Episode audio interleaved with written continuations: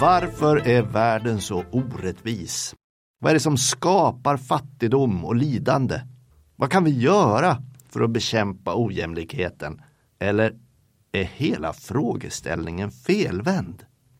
Du lyssnar på Radio Bulletin, ett ständigt pågående samtal om livets mysterier med folklivsforskaren, författaren, rabbinen, enmansuniversitetet Dan Korn och mig, Per Gudmundsson, ledarskribent på dagstidningen Bulletin.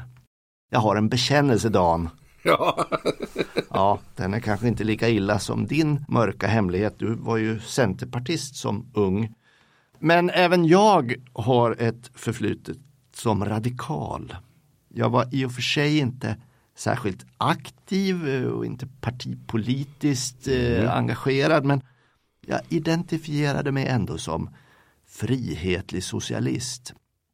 Jag var till och med med om en husockupation. Det är väl mitt enda bidrag till socialismens genomförande faktiskt. I Uppsala på den gamla goda tiden. Eh, vi nu kommer det fram. tog oss in i mm, ja, bredvid det gamla prinshuset på Bäverns gränd. Uh, ja, det var mycket, mycket fint och man ska väl kanske inte underskatta en ynglings behov av att Eh, markera tillhörighet till en subkultur eller att få polare eller rent av brudar. Men det fanns också ett genuint engagemang där för att ja, reagera på tillvarons orättvisor eller eh, skapa jämlikhet. Ja, och det där engagemanget tycker jag jag känner igen hos alla som jag känner som har engagerat sig politiskt. Och det är samma engagemang som jag skulle säga att jag har även idag. Att jag vill hjälpa de fattiga att få det bättre. Att hjälpa de förtryckta att frigöra sig och så vidare. Det, det här engagemanget kanske man liksom kan tyckas eh, blekna lite när folk blir eh, broilers i ungdomsförbunden och kommer upp i partisystemet. Men det, jag tror ändå genuint att, att det är den här viljan som driver de flesta som engagerar sig. Och, och, men kanske är det mest i, i ungdomen man grubblar på det här med orättvisorna. Eh, det är möjligt att det finns ett, ett vad ska man säga, en evolutionär anledning till att särskilt ungdomen är så fokuserad på orättvisor. Och jag tror kanske att, att man är särskilt känslig helt enkelt vid den mest eh, aktiva perioden i sitt liv för orättvisor. Man, för det är då hierarkierna på något sätt är extra viktiga för en ur ett evolutionärt perspektiv. Men det är bara en, en, en bisats. Fokuset är att ju äldre jag blev desto mindre fick jag ut av detta, eh, denna frågeställning? Alltså ju äldre jag blev desto mer fann jag att själva frågeställningen var felvänd. Mysteriet var ju inte vad som skapar fattigdom. Fattigdom och lidande det är ju snarast människans naturtillstånd. Thomas Hobbes han beskrev ju mänsklighetens tillvaro som solitary, poor, nasty, brutish and short. Det, det, det är liksom människans urtillstånd och sen beskrev han då hur staten byggs och förbättrar tillvaron. Men fattigdomen och lidandet, det är det som alltid finns. Frågan är inte vad som skapar fattigdom. Frågan är vad är det som skapar rikedom? Vad är det som skapar frihet? Om man vänder på perspektivet så, då får man plötsligt en annan verktygslåda. Nej, alltså ungdomens idealitet, det är ju en viktig, viktig sak som du tar upp där. Själv var jag trädkramare när jag var ung. Och det är någonting som jag definitivt inte ångrar. Jag anser fortfarande att den vägen vi försökte stoppa inte skulle ha byggts. Och att den förstörde en massa och är fullständigt onödig. Och när jag var ung så, när jag hade nyss tagit körkort så vägrade jag köra på denna nya infartsled till mitt eh, Mölnlycke där jag är uppvuxen. Men det har jag slutat med, jag kör på den numera.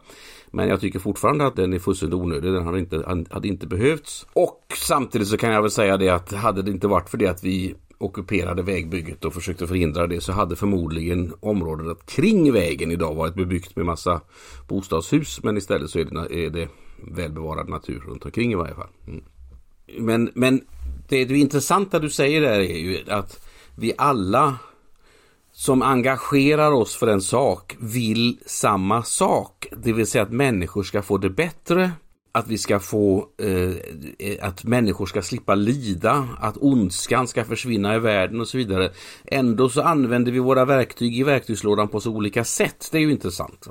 Ja, någonting som slår en är ju att, att svensk politik alltid utgår ifrån att vi kan hjälpa till exempel fattiga länder eh, genom att skyffla kapital eller resurser dit på något sätt och så förväntar vi oss att de bara med tillräckligt många miljarder och tillräckligt mycket tid ska utveckla samma grad av välstånd som vi. Och så slås man då när man utvärderar detta varje gång att det har inte hänt någonting. Vad är det som gör att vi tänker på det sättet?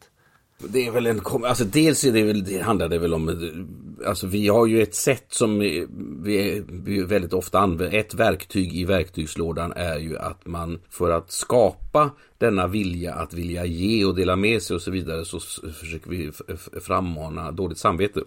Och därmed kan pengarna vara ett sätt att liksom eh, befria en, en, sig från det dåliga samvetet. Det finns i svensk politik, eh, också inrikespolitiskt, så finns det ju en standardlösning på allting. Vi anslår pengar och så löser problemen sig. Och problemen löser sig ofta inte alls trots att vi anslår pengar för att problemen är inte brist på pengar. Problemet är något annat. Och ibland kan det vara så att det är ju välkänt att nöden är uppfinningarnas moder. Brist på pengar kan ibland förbättra situationen på, på lite längre sikt därför att då tar människor initiativ. Medan om man får massor med pengar gratis så, så, så dövar det ju initiativförmågan istället och det förvärrar situationen därför på sikt. En, en eh, eller ja, om man ska ringa in några kärnvärden som skapar välstånd och som alltså leder bort från fattigdomen. Kan du nämna ett? Ja, frihet är ju en viktig sak som du tar upp där. Alltså, därför att människan måste ha frihet att utvecklas och den friheten gäller ju på många olika områden. Alltså individualism är viktig för att människan ska ta egna initiativ och komma med nya egna idéer. Rousseau sa ju att den första människan som inhägnade en bit mark och kallade den för sin var den största förbrytaren i världshistorien. Och eh, det kan man ju ifrågasätta därför att, alltså i och för sig, alltså ur det perspektivet om man tänker att en, en, i en värld där allting tillhör alla så kan det ju inte uppfattas så, men samtidigt så är det ju den som gör detta är ju en individ, en, en människa som, som strävar efter sin sin egen lycka och just därför att vederbörande strävar efter sin egen lycka kan också förbättra lyckan för andra mer än vad man skulle ha gjort om alla i grupp försökte sträva efter ett gemensamt mål. Alltså det är väldigt, gruppen som strävar efter gemensamt mål funkar bra i många sammanhang. Det ska inte förnekas på något sätt. Darwin är inne på det att grupper som har samarbetar har större förmåga att överleva och därför så är det en, natur, en del av den naturliga urvalsprocessen i människans utveckling är just grupper som har kunnat samarbeta. Men det kan också vara lamslående för initiativkraften. Och det ser vi då i vissa samhällen där, där, där, där just gruppen gör att man inte kan ta initiativ. Och det, eh, det, är därför till exempel som Bibelns berättelse om Abraham börjar med att han ska lämna sitt fädernes hus och sin födelseplats och gå till landet som Gud ska visa honom. Därför att det är först när han befriar sig från den familj och den grupp och den miljö han tillhör som han själv kan utveckla sig. Och det där ser vi genom historien, alltså individualismen har varit väldigt, väldigt viktig för drivkraften som har gjort att människan har velat skapa sig en bättre framtid hela tiden. Men det förutsätter ju då att, att alla är individualister i botten. Är inte det en västerländsk föreställning eh, så att säga att vi är individualister eller en modern västerländsk föreställning? Ja, alltså det, ja, det, det, ja det, det, har blivit en västerländsk föreställning därför att det är en västerländsk uppfinning, individualismen. Och vi tror, eftersom vi gärna tror att alla människor är lika oss, eh, så, så har vi en uppfattning om att alla människor också strävar efter individualism och det är ju som du mycket påpekar intressant. Men alltså det gäller ju i allra högsta grad så att säga, den, den västerländska kulturkretsen har, eh, där har individualismen utökats. Så det där går ju hand i hand. Jag kan ta ett exempel, alltså jag har ju skrivit en bok om det där eh, för några år sedan eh, där jag tar upp just kyrkans inflytande på hela alltså individualismen och det demokratiska samhället och allt detta. Man kan ju faktiskt ta ett exempel. Den industriella revolutionen eh, som ju verkligen var någonting som ökade välståndet i världen eh, och skapade det moderna samhälle vi lever i uppstod förmodligen inte om inte Martin Luther hade levat. Ja, jag, jag har nosat på den där eh, teorin förut, Max Weber. Mm. Ja, men nu är jag Max Weber enig, men nu ska jag ta det från ett helt annat perspektiv, samma sak. I Frankrike så uppstod ju en massa stridigheter mellan eh, katoliker och protestanter. Protestanterna kallas hugenotter. De bodde framförallt i norra Frankrike eh, och i det område som idag är Vallonien och, och Flandern, alltså Belgien. Och eftersom de utsattes för förföljelse så utvandrade stora skarar av dem till England. Och där bosatte sig en mängd belgiska eller alltså flamländska vävare i staden Bolton som ligger en, ja, en kvarts resa från mitt hem här i Manchester. Och där uppstod alltså en textilindustri tack vare detta för de här var vävare. Va? Eh, så uppstod en textilindustri redan på 1500-talet när den här utvandringen skedde. Och den spred sig till många andra orter i området här i norra, nordvästra England. Och när på 1700-talet eh, bomullsexporten kom igång från USA till Europa och det var ju den här, det var ju en del av den här triangeltrafiken där man hämtade slavar i Afrika och skickade dem till Amerika och sålde dem och så skickade man amerikanska produkter till Europa för försäljning i Europa och sen så producerade man produkter i Europa som man skickade till Afrika för försäljning där. Det var den här rutten och, och den, den transatlantiska slavhandeln. När detta var en del av det hela då. Givetvis en förfärlig historia på alla sätt och vis men en del av vår historia som vi inte kan komma ifrån. Där uppstår då alltså en trafik, eh, en export från USA framförallt och, och eh, de andra länderna kring Mexikanska guldgolfen där.